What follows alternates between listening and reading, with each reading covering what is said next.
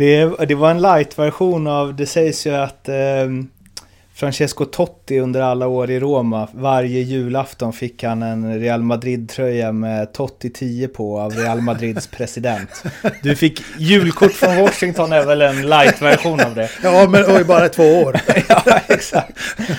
Nej, men någon, eh, snart är eh, råttet mogat alltså. Persson! Lägger på blå för loppen, kommer skjuta, fintar skott, spelar pucken höger istället, Davidsson skjuter, man lever över returen! Skottläge kommer där! Kan jag få låna micken? I mål! Missar! Hur skjuter karln?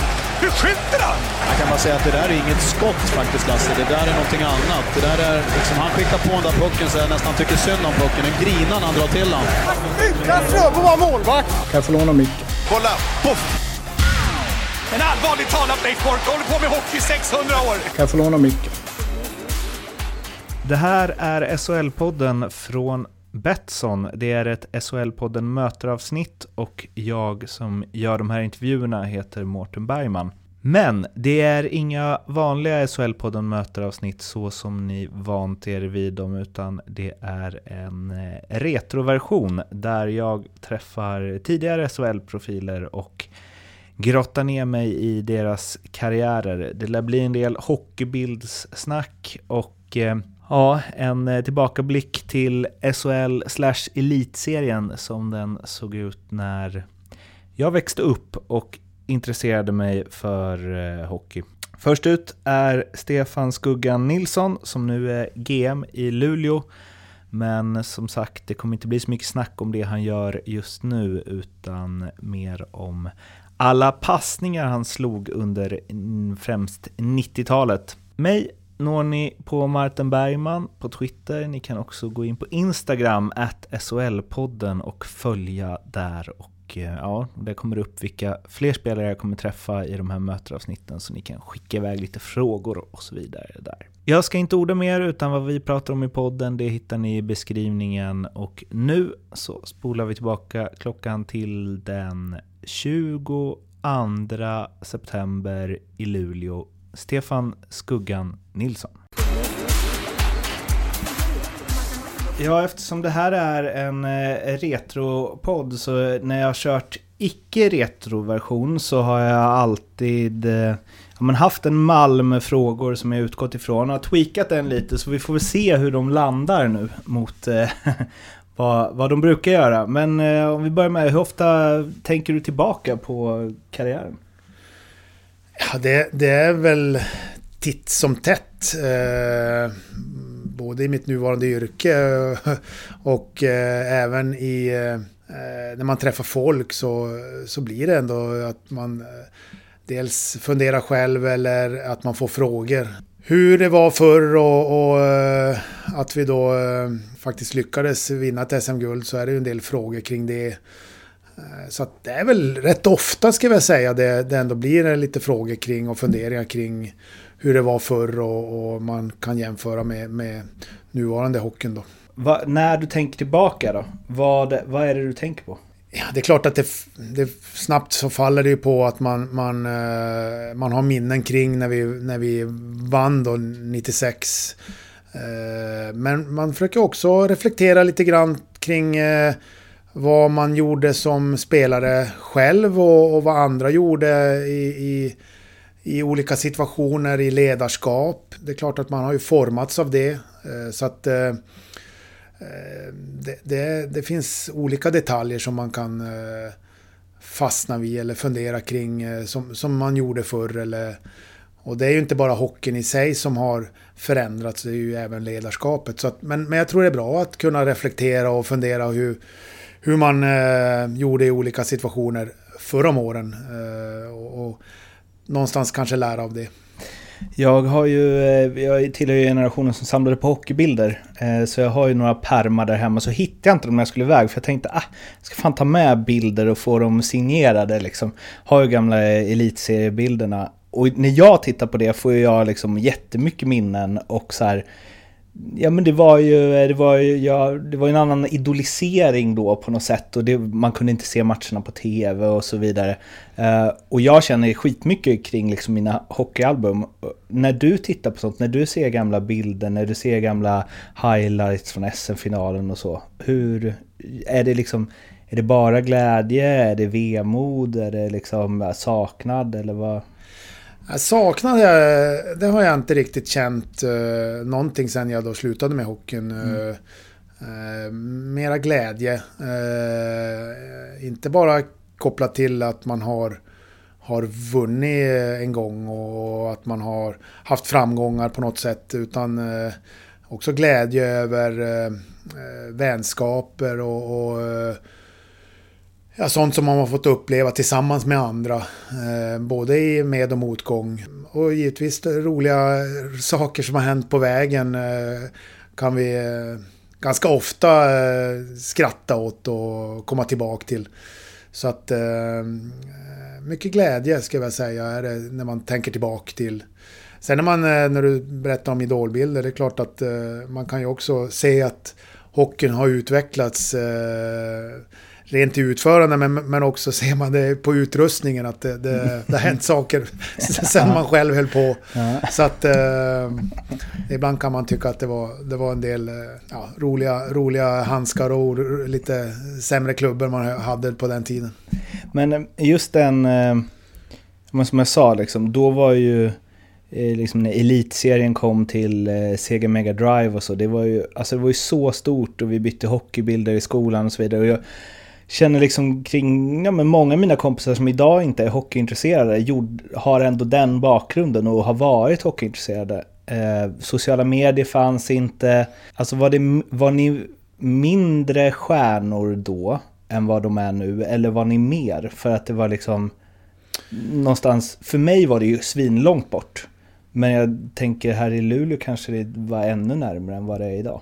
Svår fråga, men jag, jag, spontant känner jag väl nästan att, att de, eh, de är mer påpassade nu. Alltså mm. på något sätt är de ju i blickfånget hela tiden nu än vad vi var. Mm. Uh, uh, vi kunde ju faktiskt uh, gå ut en, en fredagskväll. Då hade vi matcher söndagar. Mm.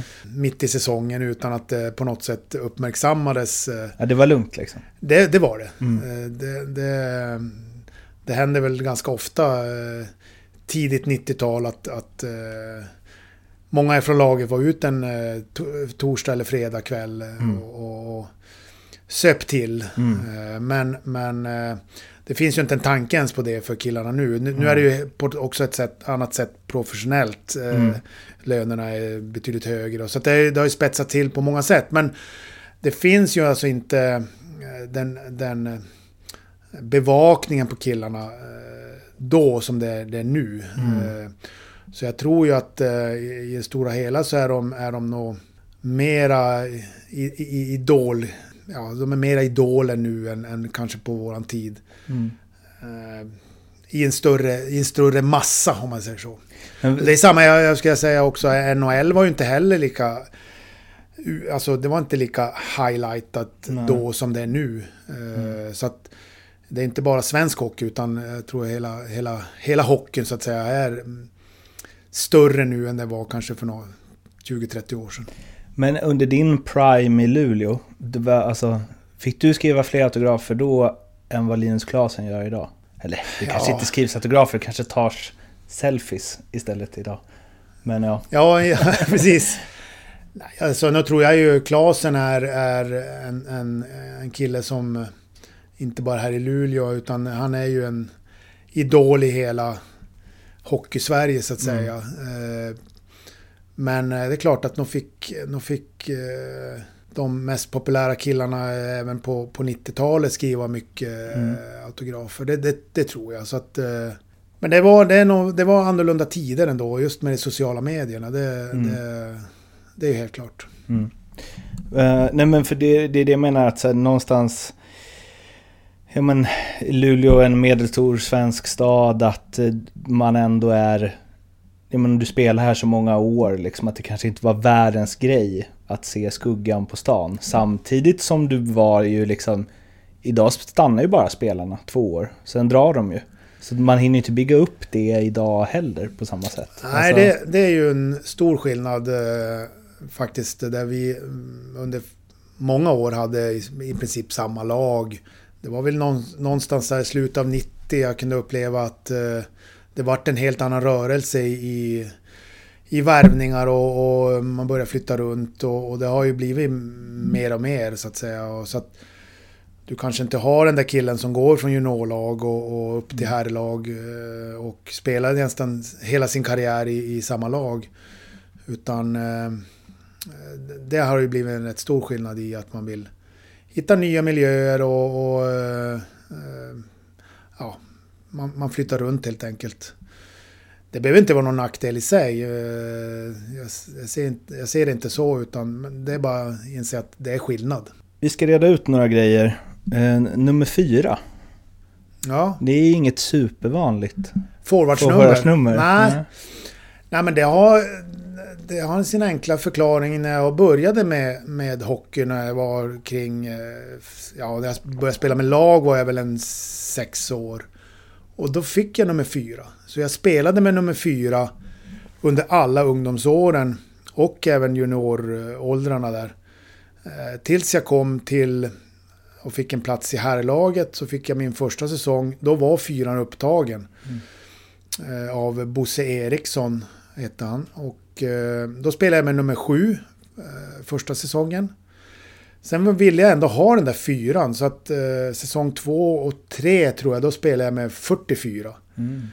Och när då Bosse Eriksson sen slutade så då spelade jag med fyran och hade ju det ja, fram till att jag då slutade. Och även när jag då hade en session utomlands, både i Klagenfurt och i eh, schweiziska La Chaux de Fonds så hade jag nummer fyra.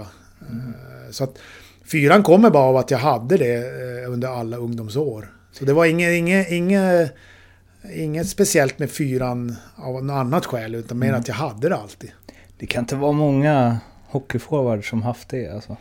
Ja, det är några stycken. eh, Tom Eklund i Södertälje hade ju nummer fyra. Det är någon annan som har haft också. Eh, Men det är, det är inte någon många, det är det inte. Det är, det är mer än... Har du fått så här eh, när du ville ha det utomlands?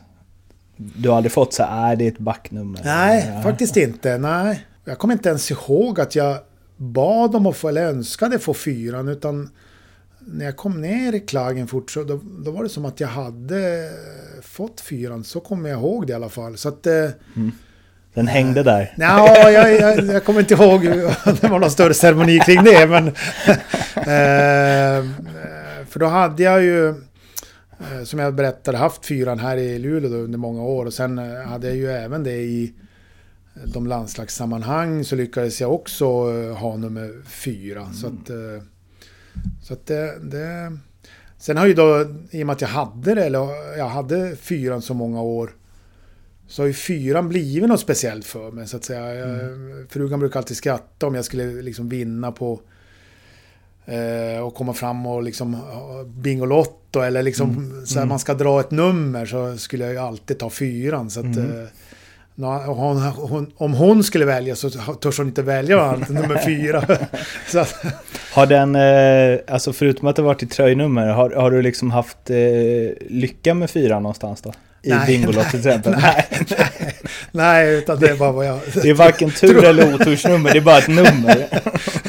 Det var jag tror själv att, att det kommer föra lycka med sig, men det har, det har aldrig stämt in. Skam den som ger sig. Ja, jag hoppas det. Ehm, och sen så förstås, och den frågan lär du ju fått en miljon gånger, men jag sket i att googla det, men skuggan. Min, min pappa var ju extremt hockeyintresserad eh, tidigt eh, och spelade hockey eh, tidigt också. Eh, och var även vaktmästare då, efter han hade slutat spela hockey så var han vaktmästare på en eh, idrottsanläggning här i stan. Och jag följde med han hela tiden. Alltså jag ville ju följa med och vara på, eh, på hans arbetsplats och spela fotboll eller hockey då. Och sen var han ju och tittade på när IFK Luleå som det hette då, herrlaget, tränade. Då var han där och tittade och var ju även ledare på ungdomslag. Så att jag följde med han överallt. Och då var det dåvarande lagledaren för herrlaget, Åke Wikman, som tyckte att jag var som en skugga efter farsan. Så att det vart skuggan eh, eh, med tiden där. Då var jag bara en 7-8 år gammal. eh, När, när första gången nämndes att jag var som en skugga. Sen hängde det ju med då, en till till idag. Och Det var något år jag kommer ihåg att eh, det var eh, dåvarande klubbdirektören, jag vet inte om jag ska slänga mig under bussen, men han, han tyckte att nu, nu måste vi jobba bort det här skuggan. Utan nu, ska, nu ska det vara Stefan Nilsson i, liksom i, i alla sammanhang. Men det sa jag, där, vad fan, det är ingen som vet vem Stefan Nilsson är. Alltså, så att eh, det fick jag ju sätta mig emot. Jag vill ju, jag vill ju att, eh, ha skuggan där. För det, det, alla säger det och jag hörsammar det mer än någon ropar Stefan egentligen. Så att, eh, men det har hängt med under, egentligen, eh, ända sedan jag var då en 7-8 år gammal där. Det finns ju... Eh, finns det något intressant det där med så här, vad namn... Alltså det, det finns ju inte två Peter Forsberg till exempel. Och man kan, eller Mats Sundin för den delen. Och man kan ju ha en teori om det att här, du kan liksom, du kan inte komma upp som Peter Forsberg brev, för det, det finns bara rum för en Peter Forsberg liksom. Eh, och eh, i, eh, Ja, i fotboll är det ju samma. Henrik Larsson, även om det är liksom ett jättevanligt namn, finns bara en Henrik Larsson. Ja. Eh, Men just det här hur namnet, så här, hur man kommer ihåg det. Där skulle jag ju säga att liksom ditt smeknamn eh, och också din siffra gör ju, alltså Stefan Nilsson nummer 28 eh, med dina stats hade inte fått samma liksom kult och som alla kom ihåg, tror jag. Alltså att, det spelar roll eh, ändå. Att liksom. smeknamnet... Ja. Eh, ja, men lite grann kan jag väl... Lite grann kan jag väl hålla med om att, att det blir eh, en del i någon form av varumärke. Mm. Eh, eh, så att... In, inte så att jag har haft det i tanken och velat... Vela förstärka liksom skuggan och smeknamnet för att förstärka upp något. Utan det är mer att det, det varit många gånger praktiskt eh, att ha ett smeknamn. När jag hade så pass, eller har ett så pass vanligt eh, namn. Så har det varit lätt att kunna eh, identifiera sig med, med sitt smeknamn. När man har ringt eller... Jag vet att jag var efter karriären så jobbade jag ju som säljare på eh, Office här inne i stan. Och när jag ringde runt till då kunder och ville boka upp besök så eh, presenterade jag mig som Stefan Nilsson från Office. Så kände jag väl att det inte var riktigt samma eh, dörröppnare som om att jag sa Skuggan då i Stefan Nilsson, det är Skuggan. Mm. Eh, så, så kunde jag väl känna att det var lite lättare att få ett, ett, ett besök eh, Ah, hos, okej. hos kunderna. Så att, i vissa sammanhang så har det varit positivt. eh, Men framförallt just att jag, jag hör, nu hörsammar jag till skuggan mycket mer än Stefan. Alltså, eh, generellt. Det är väl bara familjen närmsta som, som, som inte använder smeknamn. All- Alla andra gör det. Sen kan jag i just det, så vissa hamnar i ett läge, de vet inte om de ska säga Nej. Stefan eller om de ska kalla mig Skuggan. Ja. De som då är eh, dotterns eh, kille så att säga. Mm. Ska, han, ska han säga Stefan eller Skuggan? Eller? Det blir lite sådär... ah, Ja. Jag, jag känner det, att de vet inte riktigt vad de ska säga. Men det är ju ett bra smek. Alltså nu eh, ska jag träffa eh, din eh, före detta lagkamrat och numera arbetskamrat eh, Thomas Berglund eh, efter dig. Och eh, han kallas ju Bulan Ja. och då väljer man ju skuggan. Precis. Alltså rent objektivt gör man ju det. Har han lika? Att eh, alla säger Bulan? Alla säger Bulan. Ja. Det är väldigt sällan, jag nästan, jag tänker tillbaka, så jag sällan jag hör någon säga Thomas. Mm. Det låter ju konstigt att säga det åt han. eh, utan det är Bulan. Jag tror nästan det är ännu mera eh, Hos smeknamn är hos honom än Ja. hos mig. Däremot så är det väldigt ofta som jag har hört att, framförallt då när vi, jag vet inte om han har, det, det kan du fråga han, men jag har fått eh, att de säger Bulan ibland åt mig. Alltså att de, de mixar Mixar ihop ihop, smeknamnen ah, lite grann. Vi är inte Ah. lika för fem öre. Men, Nej. men just att man, eh, man har ett smeknamn som man ska säga, så har det blivit Bulan ibland till, till mig. Det har hänt några gånger faktiskt. Ja, okej. Var du en eh, liksom jättetalang som eh, ung? Eller hur? Ja, jo, men... Ja, man vill väl inte sitta och bedöma sig själv så, men... Det är så länge sedan Jo, nu, det är ju det. det jag kan sitta... Ja. Nej, men alltså jag var ju med i, i tidigt i de uttagningar som var där med TV-pucken och jag var, hade även möjlighet att vara med de som var ett år äldre. Så jag tidigt kände väl att jag var ändå duktig. Jag spelade med dem och tränade och spelade med dem som var två år äldre tidigt. Och, så att eh, jag kände väl ändå ganska snabbt att jag var rätt duktig på hockey och det var ju det som jag tyckte absolut var roligast. Jag spelade ju andra, jag spelade fotboll och höll på med andra idrotter också men, men hockeyn var ju det jag kände att jag var bäst på så att säga. Mm. Så att, eh, För jag tänker, alltså det är ju eh, exceptionell eh, statistik om man ser så här fördelningen på mål och eh, assist. Vi kollade faktiskt upp det, vi har SHL-podden som vi kör varje vecka. Eh, och då rotade vi lite i det där med, eh, det är en sak med backar förstås, men liksom forwards som har, ja dels eh, mycket mål och nästan inga ass, eh, men också åt andra hållet att liksom Ja visst, det brukar väga över till att man har flera assist, men den, du har ju någon sång där i Klagenfurter som ju är, jag vet Ja. inte om det är 11 plus 64 ja, ja, eller det, vad det, det, är. det, Men, och där tänker jag att det beror ju på ett spelsinne. Och det är väl av alla talanger så är väl liksom spelsinne det som är mest medfött, eller vad man ska säga. Ja, det, det just spel. Man brukar prata om spelsinne eller spelförståelse. Mm. Spelsinnet är, eh, som jag då tolkar det, medfött. Mm. Spelförståelse kan du lära, alltså det vill säga du kan få utifrån givna situationer kan du träna in ett, ett mönster. Men Mm. spelsinnet så, så, så löser du det eh, själv utifrån det du har i ryggmärgen och, och, och, och sånt som du eh, lyckas på egen hand eh, lära dig. Och det är klart att eh, jag, jag har ju fått höra att min, min eh, pappa då som spelar hockey, att han hade också ett, ett, ett väl utvecklat spelsinne. Han var dock back när han spelade, men, men eh, lite har jag väl fått i, i generna och, och däremot så nu pratar just om vikta över till ass- assist mer än mål. När jag var ungdomsspelare så gjorde jag nog mera mål. Mm. Så det var någon gång där i, i övergången från junior upp till, till herrlaget då som jag började liksom... Jag tror jag ändrade mitt sätt att spela i och med att jag då var rätt långsam på skridskorna. Så, så jag ville hitta vägar att vara duktig och då blev det, blev det mera framspelare än målgörare.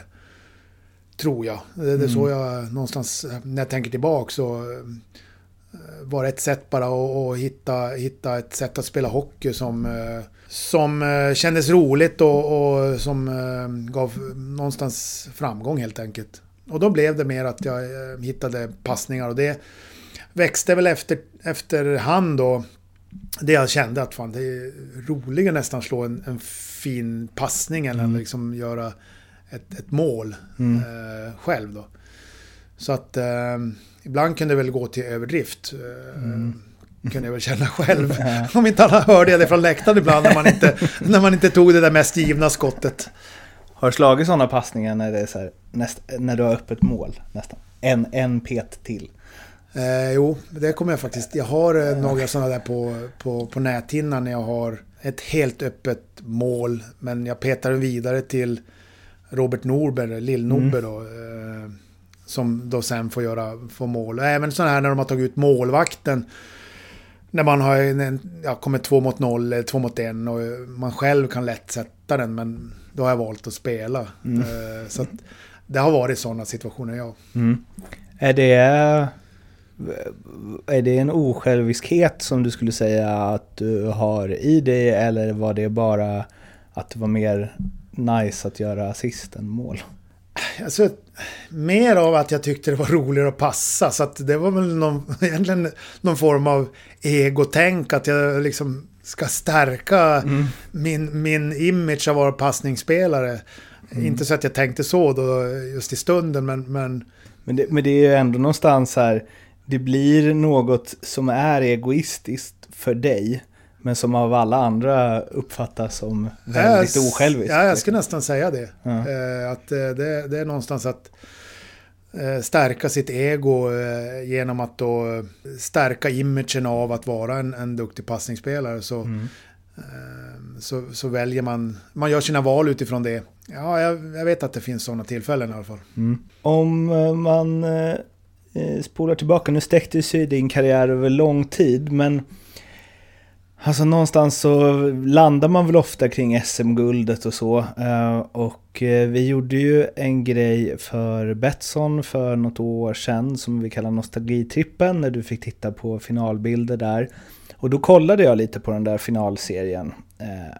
Och ja, det är ju något mål där i den avgörande matchen där de 15 sekunderna innan det målet, där det säkert är tre eller fyra utan att överdriva solklara utvisningar idag. Som inget händer. Alltså, och det kanske till och med är 2, 2 plus 2 år eller 5 Alltså, det är brutalt. Sen så den matchserien är väl omtalad som att den var väldigt hård också. Men eh, den, det blir någonstans här personifierar ju eh, vilken otrolig skillnad det var på hockeyn då och nu. Jo, men det var stor skillnad. Sen var ju även eh, under den säsongen så var ju de här matcherna mot Frölunda förhållandevis också väldigt tuffa och fula. Så att det var ju inte så att alla matcher under de här åren, mitten av 90-talet, var eh, tuffa och brutala. Men, men det, det var ju en annan hockey, det var det. Men, men just, just finalserien mot Frölunda blev speciella och eh, trappades upp eftersom, ska jag säga. Så att det var, eh, jag, jag har också sett den här matchen ganska många gånger. eh, Och eh, kan förvånas över att, att det var mycket som släpptes igenom. Eh, Och, och som du nämnde, det, när situationer där, hade de hänt nu så hade det varit ganska långa avstängningar. Eh, som, Som inte, knappt är som, två inte, år. nej, som inte renderade varken eh, två Nej. minuters eller, eller något annat. Så att, eh, ja, det var, det var den tiden. Skulle du säga att det var farligt? Ja, alltså. Det var ju killar som fick eh, kraftiga smällar och inte kunde spela alla matcher under den, under den finalserien. Jag vet att det var eh, Nomelin, Petri Nomelin fick ju hjärnskakningar. Så det är klart att det var tuffa smällar eh, som några killarna fick ta där. eh. Som var klart, det är ju, det är ju inte bra och det är onödigt. eh. Och jag vet att Holmström får också eh, under sista matchen får ju också några riktiga eh, körare kring, kring huvudet och, och, och nacken som, som kunde ha blivit eh, tagit betydligt värre än vad de gjorde. Men samtidigt är ju hockey en, en, en, kampsport och, och det finns alltid en eh, risk för att det ska hända eh, saker. Så att eh, det var absolut ingenting man funderade då på eh, när man spelade att, att det fanns nå, någon fara för, för några allvarligare saker. Utan det, Nej, nej, för det var ju någonstans, när jag tittar på det så jag skrattar lite åt det samtidigt som jag tycker så här, ja, det är lite kul liksom. Men sen så slängs man någonstans tillbaka till debatten som finns idag. Och ja, nu har man ju liksom lite försäsongshockey eh, i ryggen som man tittat på. Där det räcker med att du slår lite högt upp på klubban så åker du på en tvåa. Medans i den där serien så är det liksom dubbla crosscheckingar från varsin sida på en icke puckförande spelare. Och det blir ingenting. Eh, vilket det, fin- det finns en charm i det. Eh, men jag tänker också så här, fan att det inte gick värre många gånger. Än vad det gjorde ändå. Jag vet inte om det har med hastigheten att göra. Nej, det är klart liksom- att eh, de, de, eh, om man nu tittar tillbaka de senaste åren här så, så mycket av de allvarliga händelserna det är ju tacklingar mot huvudet. Mm. Där killarna får hjärnskakningar och, och vi vet att det är killar som som är tvungna att sluta med hockeyn på grund av, av det. det. Det hände ju även då. Eh, Men, men nu har ju hastigheten ökat ytterligare senaste åren. Och, och det gör ju att kraften blir ytterligare stark och, och sätter ju spelarna i lite olyckliga situationer. Så att eh, det är klart att farten har ju gjort att det blivit eh, på så sätt tuffare. Eh, Men, men då fanns det ju situationer med, där spel med klubban var farlig. Mm. Men det kanske inte renderade till hjärnskakningar och, och livslånga men. Eh, Det är ju mer att man kanske har brutit något finger eller eh, fått något blåmärke på armarna och sånt. Det, och, det, och det klarar man ju sig ifrån, det, eller, men det läker ju och man går vidare.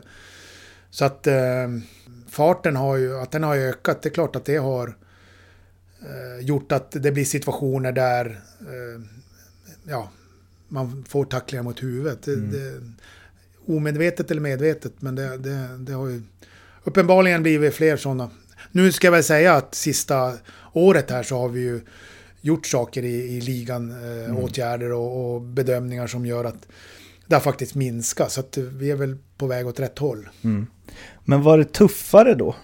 Eller var det fulare då? Eller var det... Ja, jag, någonstans kan jag väl... eh, Fulare var det. Eh, I och med att man kunde använda klubban som ett tillhygge på ett annat sätt. Eh, Åkte du in framför mål så visste du att då, då, det här kommer det att smälla. Eh, på ett annat sätt än vad det, eh, det kanske gör nu. Farten nu har ju också gjort att det, du måste ju vara minst lika uppmärksam på att det kan hända saker nu också. Så att det är ju en annan hockey helt enkelt. Eh, Så just eh, den här att man måste vara uppmärksam är väl att man måste vara uppmär- uppmärksam på lite andra saker än, än man behövde på, på 80-90-talet.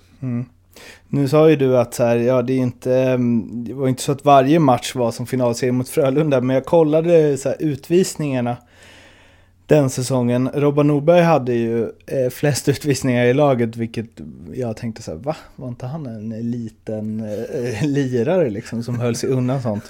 Eh, men eh, eh, han hade 90 alltså. Och då tänker jag, alltså det kan ju inte varit helt annorlunda än finalen, alla matcher. Det måste ju bara varit att så här, det var mycket svårare att bli utvisad då, än vad det är idag. Jo men det, var- det var ja, bedömningen är ju, var ju eh, jättestor skillnad i bedömning. Domarbedömningen, ja det, det är ju helt klart så. Ehm, och då var ju... Jag brukar ibland skratta åt att en del killar nu, nu tycker att det finns för mycket hakningar i svensk hockey. Ja. Och jag brukar säga, men hakningar, det finns inga hakningar nu. Ja. Titta på 90-talet, då kan vi snacka hakningar. När man virade in klubban i antingen i, i höftvecket eller i armvecket. Eh, Åkte med bara. Och åkte bara med, man bara tolkade. Det var hakningar. Eh, så att eh, det, det är skillnad på bedömningen och, och vad man kan göra nu och, och man kunde göra då.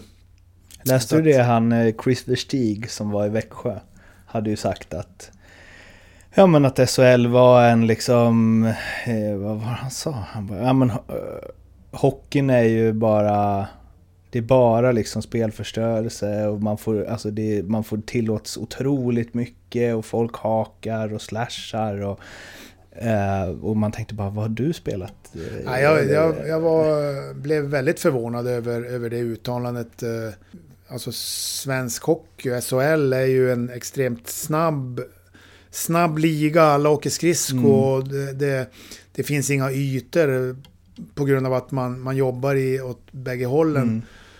Och, och s- på så sätt begränsa ytorna. Men, men att det skulle på något sätt vara ful hockey, det, det köper jag absolut inte.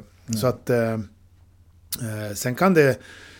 Sen kan man säkert eh, se över eh, hur man ska göra bedömningar och regler ändå. Men, men eh, jag var väldigt förvånad över hans eh, syn på hur svensk hockey spelades. Han sa ju också att det var en bra liga att åka till om man vill varva ner. Så ma- man kan ju ana en viss eh, bitterhet över att det kanske inte gick så bra för honom. Nej, alltså eh, jag, jag skulle vilja mer se det också på det sättet.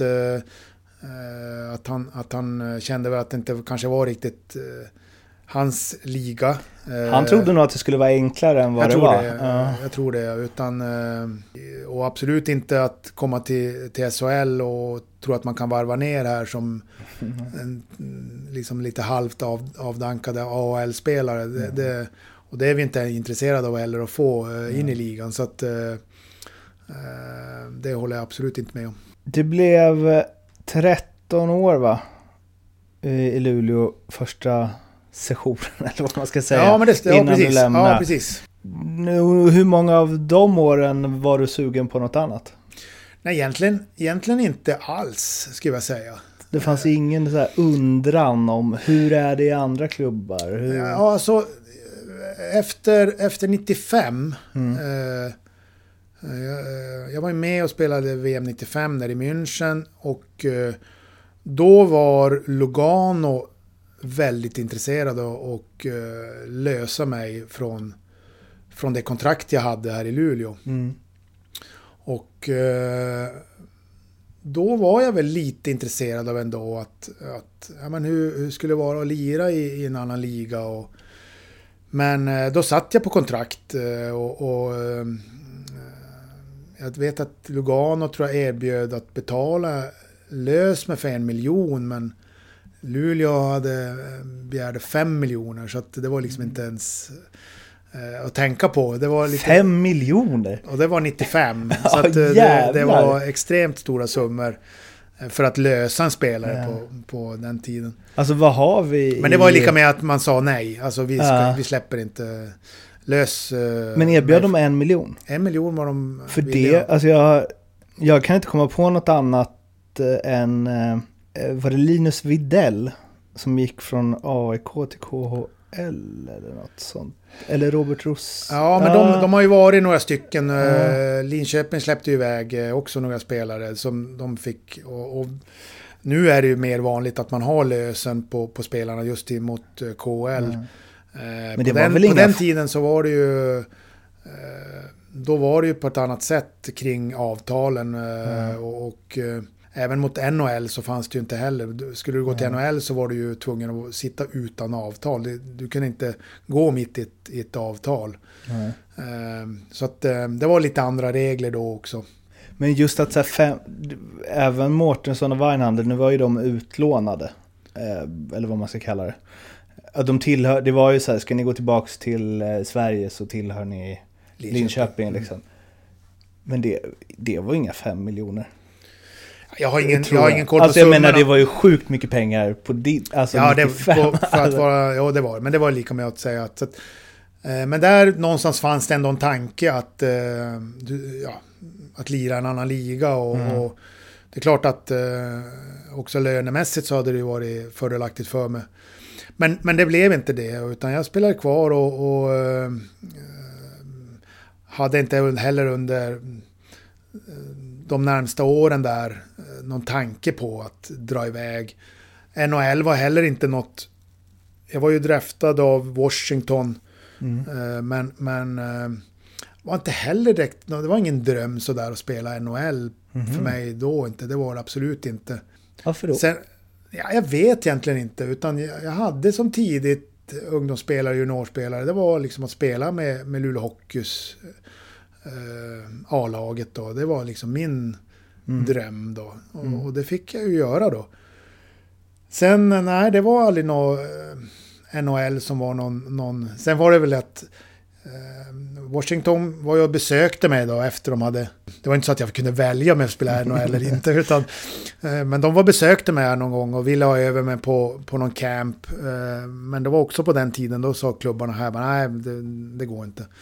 Så det blev inte heller att jag åkte på någon camp. Och, sen, och de skickade jag vet, eh, massa dokument och jag fick även julkort och sånt där. Men så en säsong där, jag vet inte, var två, två, tre år senare, det var liksom tvärdött, jag fick ingenting. Så att, jag tror att deras intresse dog också ut lite grann. Så att, Det är väl det om det bara är ge och ge. det, det var en light-version av, det sägs ju att eh, Francesco Totti under alla år i Roma, varje julafton fick han en Real Madrid-tröja med Totti 10 på av Real Madrids president. Du fick julkort från Washington är väl en light-version av det? ja, men oj, bara två år. ja, exakt. Eh, men så blev det Klagenfurt till slut. Jag vet inte, österrikiska ligan, det var, var hur stod Nej, den då var det sig? faktiskt, eh, för att eh, ta den storyn från början, det var ju att jag satt ju med ett avtal faktiskt med, med Luleå. Mm. Eh, Men eh, eh, jag hade en, en uppgörelse i det avtalet som jag inte tyckte att eh, Luleå uppfyllde. Och eh, ekonomiskt så, så var det mindre fördelaktigt för mig. Så jag sa att det, det, det, håller, det här håller inte. Utan då måste jag ha en chans att... Och, för jag började ändå komma upp på ett år ändå. Så jag sa att då måste jag få komma ut eh, och eh, ja, tjäna pengar helt enkelt. Mm. Så jag fick ju, jag löste mig ur det avtal jag hade här med Luleå. Mm. Eh, och det var, jag menar, jag har ju klubben i mitt hjärta. Så det var, det var tufft att sitta i de förhandlingarna och det var väl inte... De ville inte släppa iväg mig heller, så det, det, det, var inga roliga dagar. Men sen att jag faktiskt då kom iväg och vi, vi löste det här. Jag hade två toppenår i Klagenfurt och eh, extremt eh, rolig hockey och eh, vi trivdes jättebra i hela familjen där i, i Klagenfurt. Så det var... Det var i, eh, det, det är två år som jag verkligen kommer att minnas på, på många sätt. Men var det, var det en dålig liga? Eller så här, du gjorde ju ja, alltså, brutalt mycket ja, poäng. Ja, alltså det är klart att det, det var inte SHL-nivå på den. Mm. Det var ju... Eh, det var knappt eh, allsvensk nivå, skulle jag säga. Däremot så fanns det några topplag. Det var ju Klagenfurt, Villach, Feldkirch. Det var några lag som var faktiskt rätt bra. Ni var några svenskar?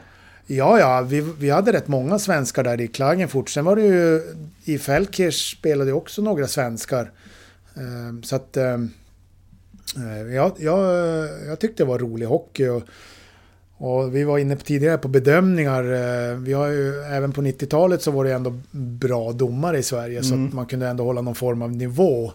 Ehm, men där var, där det, var det däremot inte så. Där, där var det Väldigt eh, knepiga eh, nivåer och, och det kunde svaja från match till match och i matcherna. Så att det, det var extremt tufft eh, och, och där fanns ju också ett antal riktiga goons, alltså mm. riktiga fighter i, i, i nästan varje lag. Mm. Så att man fick ju verkligen passa sig vem man, vem, vem man var och peta på. Så att... Men du har hade... aldrig kastat handskar? Nej, jag kan ta det som en parentes. När jag, alltså, jag var faktiskt när jag var 23-24 eh, var jag spelade en juniormatch.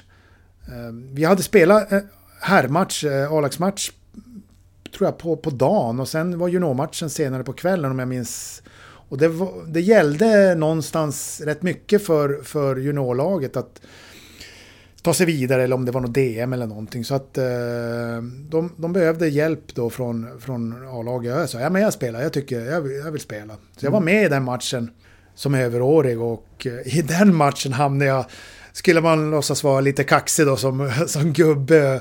Då var jag med i någon liten fight eh, med, någon, med någon junior. Jag tror vi mötte, mötte vi Boden. Eh, så att eh, det var en annan fight. Jag ställde upp mot någon junior. Eh, så att, men, men vi hade i Klagenfurt hade vi... Eh, vi hade Man får inte vara dum, är det inte så? Nej, jo, nej, precis. Välja sina fighter. Eh, men vi hade en kille i Klagenfurt som hette Darcy Martini. Och det var ju en, en riktig fighter som, som har gjort en del matcher i... Jag vet inte om han gjorde några NHL-matcher till och med, men... men han var det var en riktig fighter alltså. Han, han gick väl någon, någon, eh, någon fight mot någon kille i Felkir som han ja, riktigt blev om ansikte och jag tror till och med varit eh, rättsliga eh, mm. efterspel på det där. Så att eh, ibland var det lite otäckt faktiskt. Måste bara in Jag har liksom inte klickat runt på det här, det borde jag ha gjort ser jag nu. Eh, men för du gjorde din första säsong gjorde du alltså 17 plus 68 och steg, då kom du tvåa i interna poängligan. Eh, trea kom David Emma som hade 62 poäng. Så det var alltså 23 poäng upp till dig. Men du vann inte. Det gjorde Dimitri Kvartalnov. Och han gjorde 50 mål på 54 matcher. Jag gissar att ni spelade ihop. Ja, det är en bra gissning. ja, och, och, att rollfördelningen var alltså, ganska tydlig. Kvartalnov, om du klickar in på han, det är ju en, det är ju en uh, riktigt bra lirare. Han gjorde ju ett antal NHL-säsonger och var med i ryska landslag. Mm. Och, och, så det var ju en toppspelare och mm. extremt skicklig. Uh, lite Makarov. Uh, Sergej Makarov-stil på, på hans sätt att spela. Skicklig som bara den. Eh, vi, vi spelade ihop. eh, och vi spelade ju tillsammans då med Dieter Kalt. eh, Ja, som var i Färjestad. Precis. Ja. Eh, så att eh, vi gjorde ju en säsong tillsammans och hade en riktigt bra, bra säsong. Hade, det, var, det var kul. Vi vann däremot inte det året, österrikiska ligan. Som en parentes också när jag, när, när jag och Kvartalno, vi hade väl någon match, tror jag, just mot Villach, för det var som derbyna. Det var riktigt upphaussat och eh, vi var bara tre mil ifrån varann. Så det var det var riktigt, riktigt derbystämning.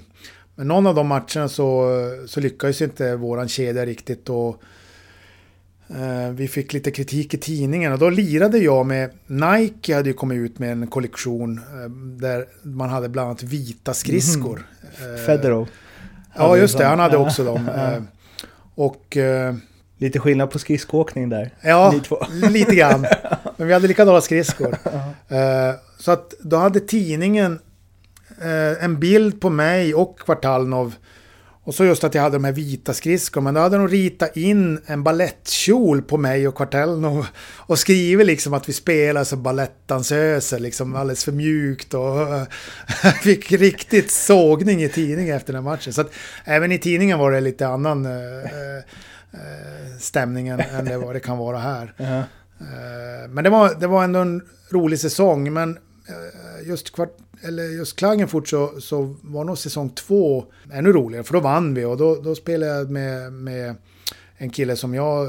Hade han verkligen velat så hade han varit en toppspelare i, i, i NHL. Det var Gerhard Ressman.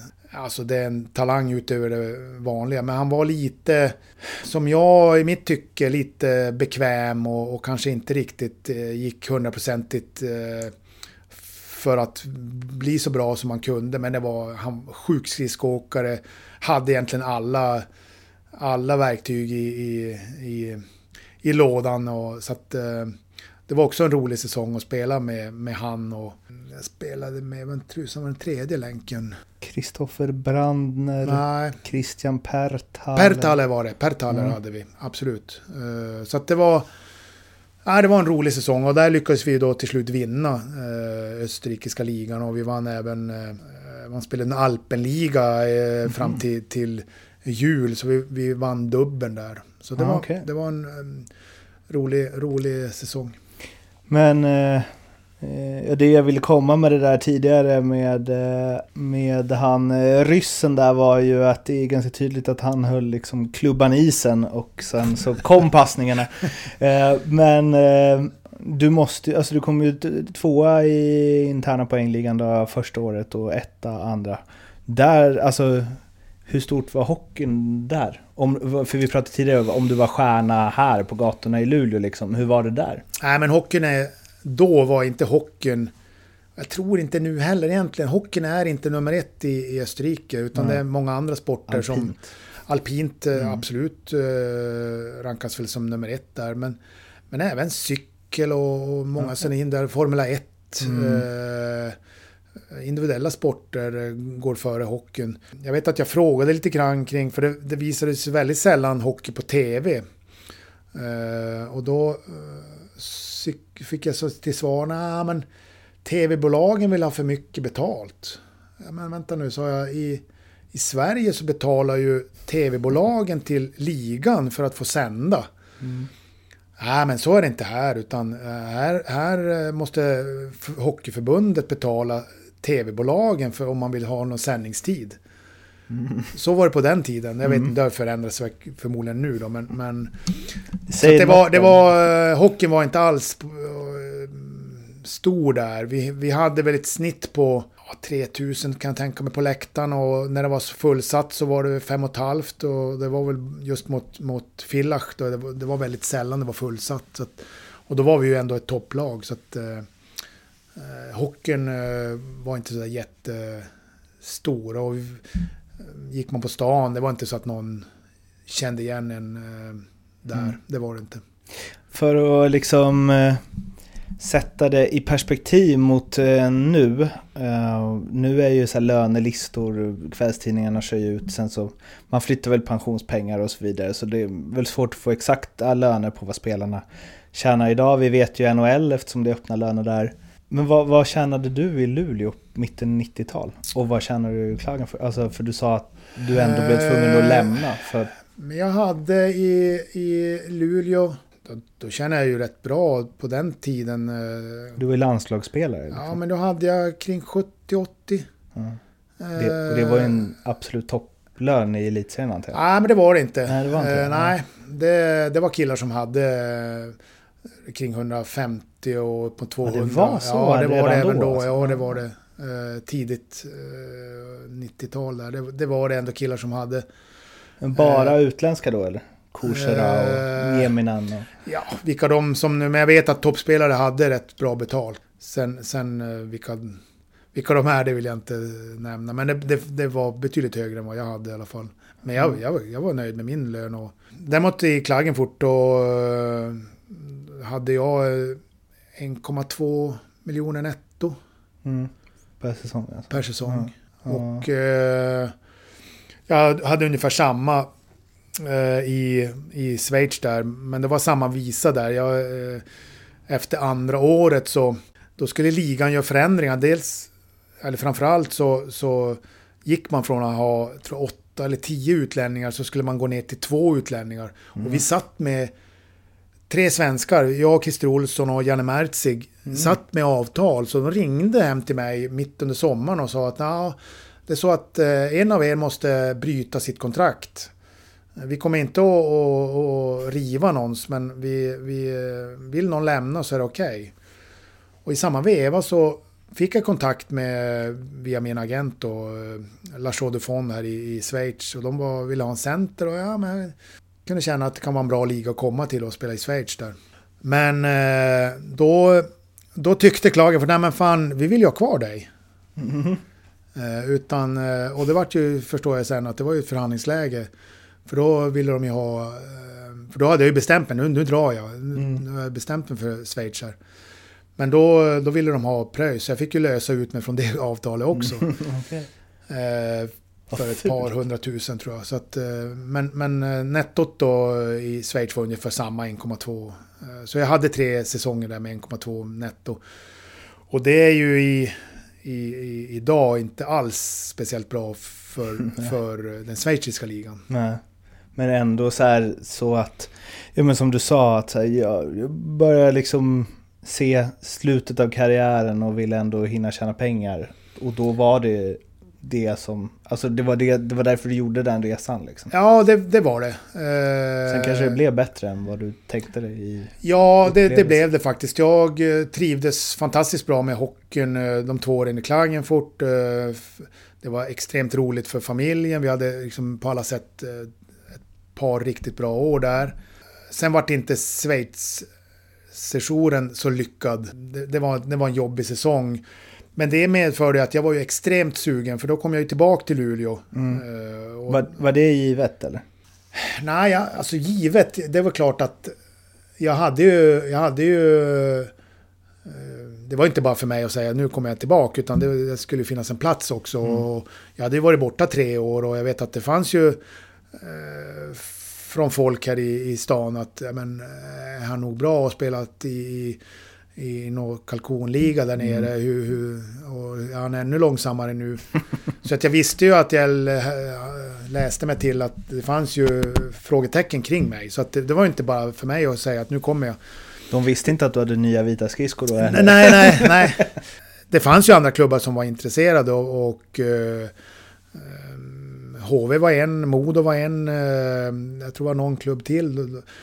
Och de, eh, de visar egentligen ekonomiskt i alla fall ett större intresse än vad, vad Luleå gjorde.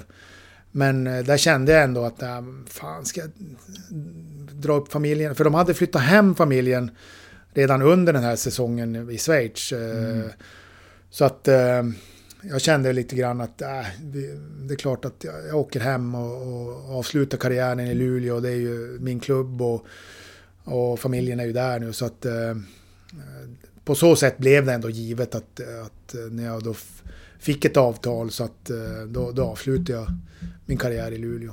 Och det är ju fint med spelare som spelar i samma förening. Hela, man gillar ju det. Det är inte så ofta längre. Det händer liksom.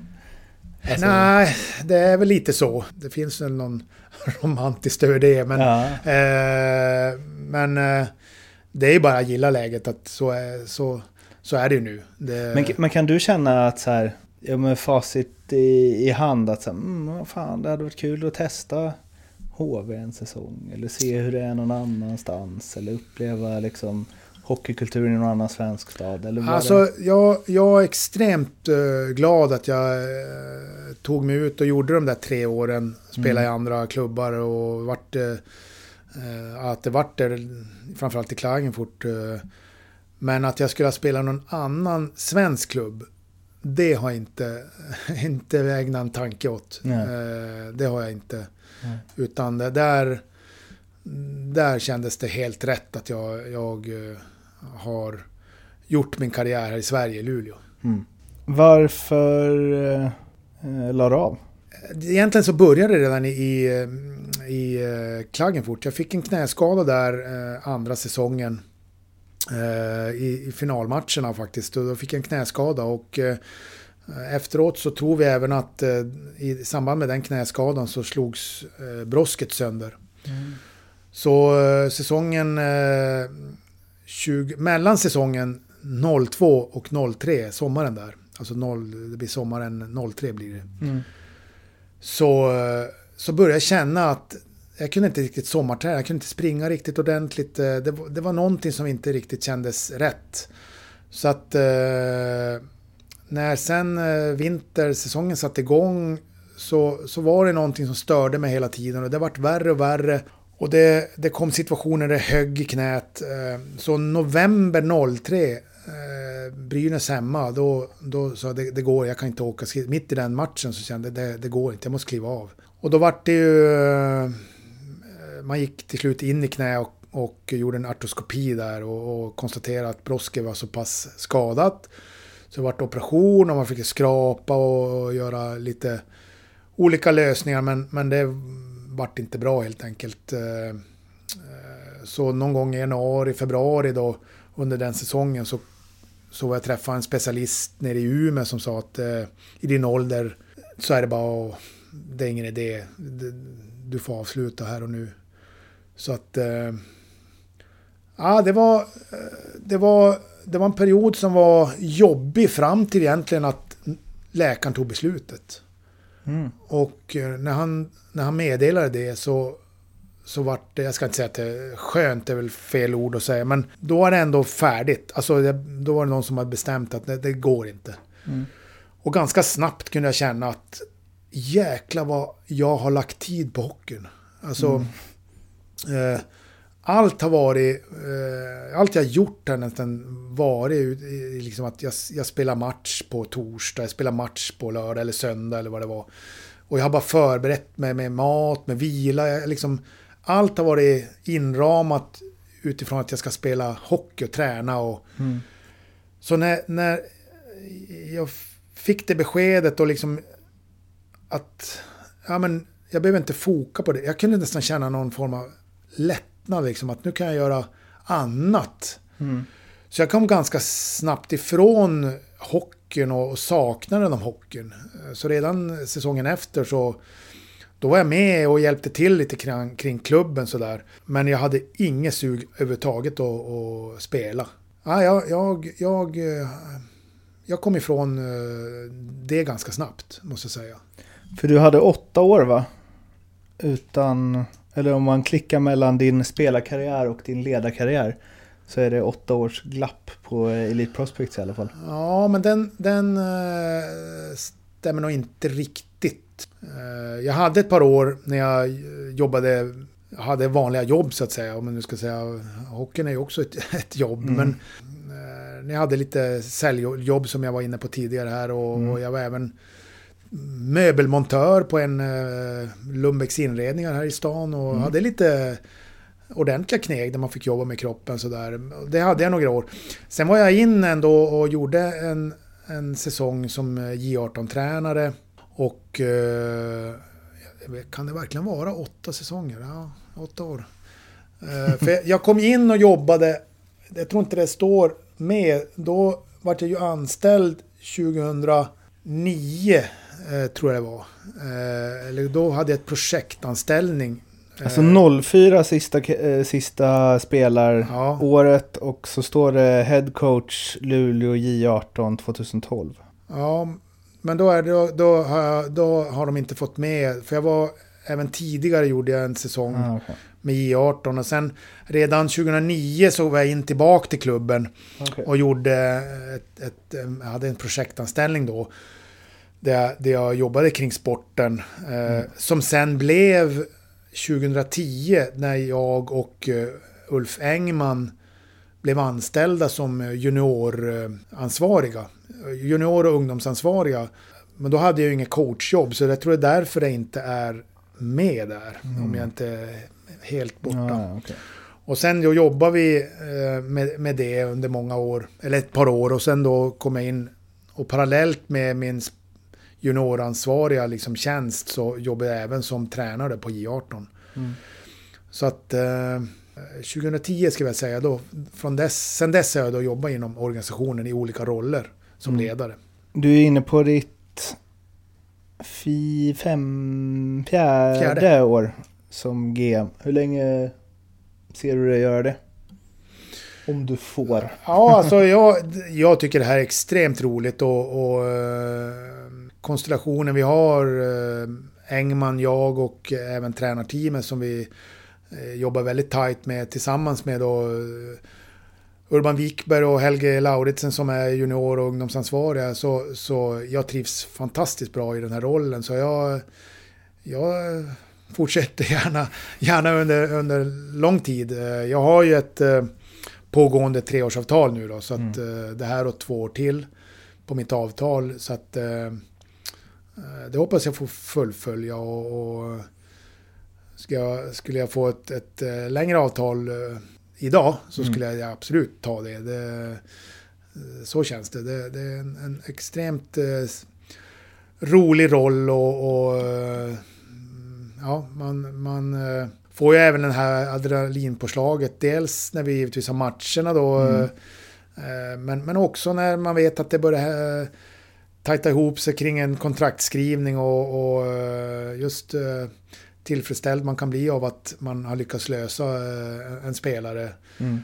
Så ja, lika besviken blir man när man inte varken vinner en match eller att man har, har tappat en, en, en spelare som man ville ha.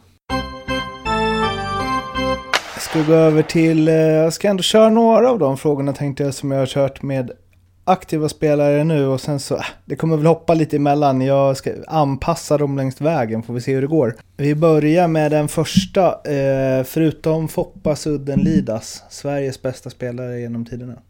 Oj. Ja, vi, vi, vi eh, jag måste ju någonstans ändå eh, försöka hitta någon i, i regionen. eh, Och då, eh, då skulle jag vilja säga, jag, jag delar på Mattias Öhlund och, eh, och eh, Micke Renberg. Två fantastiska killar eh, och, och eh, har också gjort fantastiska, haft fantastiska framgångar i, i, i sin hockeykarriär. Eh, Så att då fick jag lite norrbottnisk touch på det hela. Du har inget ont mot Renberg eller efter?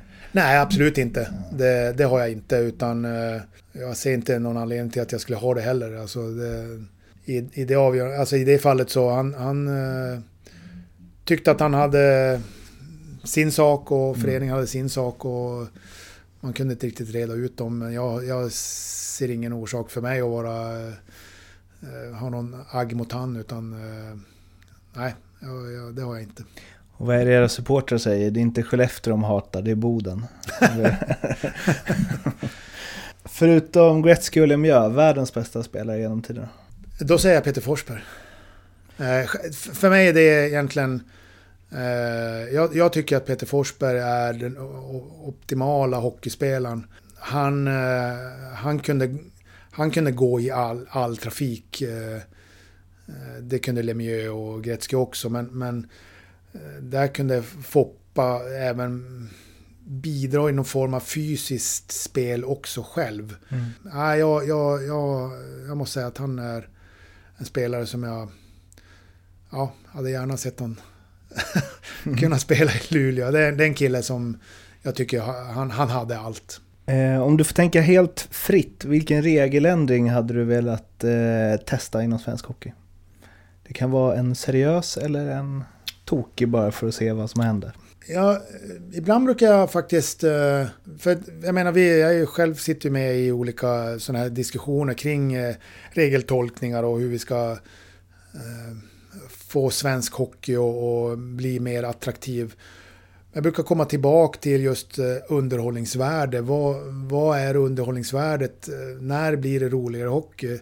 Jag skulle väl någonstans vilja prova på eh, och, och, och gå tillbaka till när det var ännu mera hakningar. Hur hade hockeyn sett ut? Eh, Hade underhållningsvärdet blivit sämre av det? Eller hade det eh, varit annorlunda, eller samma sak, eh, rent i underhållningsvärde, eller hade det varit till och med roligare? Eh, bara som en test. Nu vet jag att, det, att det, det kommer inte bli så, men, men eh, det hade varit kul att och, se hur, hur hockeyn hade sett ut. Såg Leksand-Skellefteå i premiären och eh, 3 mot 3-spelet till den. Jag vet inte om du såg från det, men det var ju... Jag tror Skellefteå hade två frilägen och en två mot nolla första 50 sekunderna. Eh, och galna räddningar och liksom... Och så pratade jag med en kompis om det, att så här, ja, men att det kanske är framtidens hockey. Man kanske skulle kunna korsa dem, tre mot tre. Men Med i, med, ja, här, på de gamla NHL-spelen kunde man ju stänga av utvisningar. Man kunde göra vad som helst utan att bli utvisad. De har, ja, tre mot tre och hakningar, det är ju jäkligt intressant. Det öppnar för liksom ännu större ytor. Ja, ja, ja. Det är bara haka ner någon, så har du två mot ett. Ja. Liten eller stor rink? Definitivt stor rink. Eh, Jag är ingen förespråkare av liten rink och jag, jag, jag har svårt att förstå eh, att eh, liten rink skulle innebära att vi får en, en bättre hockey. Jag, jag, jag förstår att man lockas av att NHL har... Eh, att man tittar på det och att man där har många duktiga spelare. Men nej, jag tyckte att vi ska, vi ska vara rädda om våran, våran modell här i Europa och, och framförallt här i, i Sverige. Det, det är, finska ligan har provat det och det blev inte i min, i min tycke någon succé utan eh, där har hockeyn blivit tycker jag på senare år eh, ganska tråkig och, och mm, man står och väntar i mittzon. En passiv hockey helt enkelt. Så att, eh, eh, nej, stor rink. Den eh, bästa spelare som du har spelat med? Och det behöver inte vara den som har det kändaste namnet eller som blev bäst tio år senare utan där och då, det Ja, bästa du upplevt. Det liksom. finns lite olika, alltså eh, Jarmo Myllys målvakt, eh, särklass, den, den spelare som har stuckit ut mest eh, som person och i, i, i Luleå. Ser jag till, eh, som jag själv har spelat med i samma linas kedja, då är det LG Pettersson. Eh, särklass, eh, unik målgörare. Bättre än han ryssen.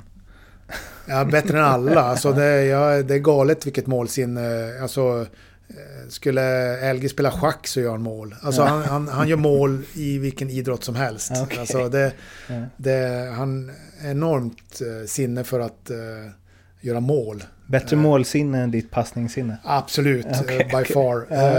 Eh, men eh, Mika Nieminen, skickligaste spelaren, eh, också i, i eh, överlägset skulle jag säga. Mm. Nu spelar jag inte samma kedja som han, men, men han, kunde, han kunde göra saker på egen hand som ingen annan jag har sett eh, i, i, i Luleå. Hade tyvärr då lite egenheter på sidan om som, som lite svärtade hans... Uh, vart ju avstängd för någon mm. utekväll uh, och sådär. Så att, um, men men absolut en spelare som på egen hand kunde göra mål eller avgöra matcher. Mm. Den bästa du mött då? Utifrån samma kriterier. Det behöver inte vara den, den kändaste eller den som blev bäst. Nej. Utan det bästa du stött på. Nej, men det var, det, det, det var Peter Forsberg. Uh, jag vet att han var ju hemma någon säsong där och det, då, då, det, vi sa bara... väck inte den björn som sover. Man ville liksom inte åka och peta i, i, i Peter Forsberg så att han fick ondögat. För då visste man att då kunde han... Ja, då, då, då står han med tre, ett hattrick eller någonting. Så att eh, han var galet bra. Så att eh, jag måste säga Peter Forsberg. Den bästa lagkamrat du haft utifrån hur du tycker att man ska vara i ett omklädningsrum och i ett lag? Men alltså ett, ett omklädningsrum består av i runda svängar 20-25 individer. eh, Och eh, jag, jag, mixen av personligheter är ju det som är det är det som är grejen med ett lag. Det skulle, det skulle vara tråkigt rent av om, om alla betedde sig på samma sätt eller var samma eh, typ av eh, kille. Utan eh, det, det är dynamiken i, i ett, ett lag. Det är det man, tycker jag, det, det är tjusning med ett lag. Eh, Det är då det händer grejer. Folk som säger tokiga saker och nästa som ska korrigera den. Och, det- Alltså det, det är då det är liksom eh, besserwissen mot eh, den gamängen. Och, alltså det, det, det tycker jag det är, det är det som är lag, skulle jag säga. Snyggt eh, duckat också. Om du med eh, all den erfarenhet du har av hockeyvärlden idag fick eh, ge dig själv 15 år ett tips, vad hade du sagt då? lite mera ödmjukhet. Det hade jag nog. eh, För jag, jag, jag kunde nog vara lite... Samtidigt som jag många gånger trott... Man, man, man hittar ju alltid sin egen sanning i... i tror jag i alla fall. Att eh, en- min... Ibland lite oödmjuka eller berusa sätt att liksom, lite eg- egoist. Alltså i... Det har jag också tagit med dit jag kom, alltså i min karriär. Men jag hade ändå kunnat tycka att ja, men lite mer ödmjukhet i vissa avseenden. Eh, Inte kanske, också i vissa fall, kanske inte alltid att trampa folk på tårna som man kanske har gjort emellanåt. Kanske gör fortfarande, jag vet inte. Men det är någonstans en balans där. Alltså det, någonstans är jag den jag är. Och, och, eh, men, men eh, och, och eh, det får man ju se som styrka ibland. Men, men li, ja, det är väl det jag kommer fram till så här spontant. Li, tänk på ödmjukheten. Men Du känns ödmjuk. Det kanske är för att du har så många passningspoäng som man tänker att... för just det, det var ju också egoistiskt sa du så. Eh, Vem eh, har betytt mest för din, eller betydde mest för din hockeykarriär? är min far. Överlägset. Eh, var ju, förutom att vara pappa då, var han ju även hockeytränare i, i nästan alla åren i ungdomsåren då. Eh, och formar ju mm, mig både som människa och till viss del hockeyspelare också. Men framför allt att han egentligen lät mig ha hockeyn för mig själv. Det vill säga när, när vi tränade och han var ledare på träningarna då var jag en i laget och han behandlade mig som en i laget. eh, Och vi tränade på. Sen när vi kom hem pratade vi aldrig hockey. Så jag fick ju ha hockeyn för mig själv på det sättet. Att jag var inte köksbordsstyrd. Det vill säga han tipsade om det eller det. Eller, Utan det fick jag själv ha. Alltså mina egna tankar om vad jag behövde göra. Och det, det fick jag styra över. Men däremot när vi tränade och, och man inte gjorde som han tyckte vi skulle göra. Då, då, då var det en, en avhyvling och en hårblås. Eh, som egentligen alla, det var ju tuffare tider då med ledarskap. Eh, eh, han var ganska tuff. Eh, hård, hård men hjärtlig som, som jag brukar säga. Mm, så det, var, det var hårt och tufft då. Men just hemma så var det, vad jag kommer ihåg, inte någonting hockey. Utan när jag sen vart äldre, junioråldern och uppe i, i A-laget fortfarande bodde hemma. Jag, så eh, det var bara lycka till. Det var liksom det jag fick med mig. Och det är jag otroligt tacksam för att jag inte fick eh, feedbacken hemma av föräldrarna. Liksom, gör si, gör så, tänk på det här. Vad säger tränarna? Vad, liksom, vad, varför då? Så att, och det försöker jag. jag. Jag tror att det var en, en, en stor hjälp för mig och jag, jag är rätt säker på att eh, många ungdomar där ute skulle må bra av om föräldrarna backade lite i det avseende att man inte sitter hemma och, och köksbordscoachar. Eh, Det, tror jag med. Din största framgång inom hockeyn? Det är klart att eh, som lag då, vi vann SM-guld. Eh, det, det rankar man ju alltid som nummer ett, helt klart. Och jag, jag, tyckte själv att jag gjorde en, om jag tittar på mig som individ, jag gjorde en bra säsong då. Så att jag tyckte att jag bidrog i, i att vi lyckades vinna då. Och, så att eh, det var, det var, det är klart nummer ett. Sen eh, att vi vann nere i Österrike var fantastiskt eh, rolig säsong och att vi lyckades vinna där. Så att eh, det ska jag väl nästan sätta upp som eh, de två topparna, absolut. Om eh, du fick ta med någonting från den tiden då du spelade till dagens hockey och något du är väldigt glad har ändrats sedan dess? Jag kan ju tycka att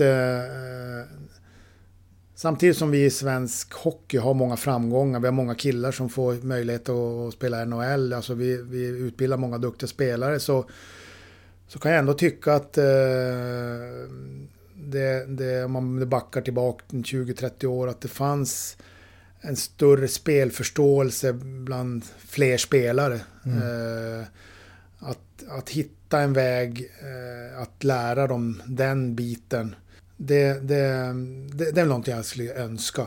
Mm. Uh, vad var det mer? Att jag någonstans... Något som du är glad över att det inte är så längre? Alltså jag, jag, jag hoppas ju att vi, vi är inte där än, men jag hoppas ju verkligen att vi, vi kan få en säsong med minimalt med huvudtacklingar. Mm. Jag, det känns som att vi är på väg åt rätt håll. Eller vi är på väg åt rätt håll. Men jag hoppas att det verkligen eh, kan minimeras eh, till, till nästan ingen alls. Det, det, det, är det jag hoppas verkligen. Sen som min absoluta favoritfråga då, vi närmar oss eh, slutet. Eh, vad är det sjukaste som har hänt inom hockeyn? Slash berätta en rolig anekdot. det, det, är klart att det har hänt extremt mycket tokigheter. En del är både preskriberade och man törs inte ens berätta dem. Jag skulle nästan vilja köra en story som, som, eh, som inte har med direkt hockeykoppling att göra. Men, men det var för många år sedan, eh, många killar i laget var ju, eh, och det är de nu också, de är ju väldigt travintresserade.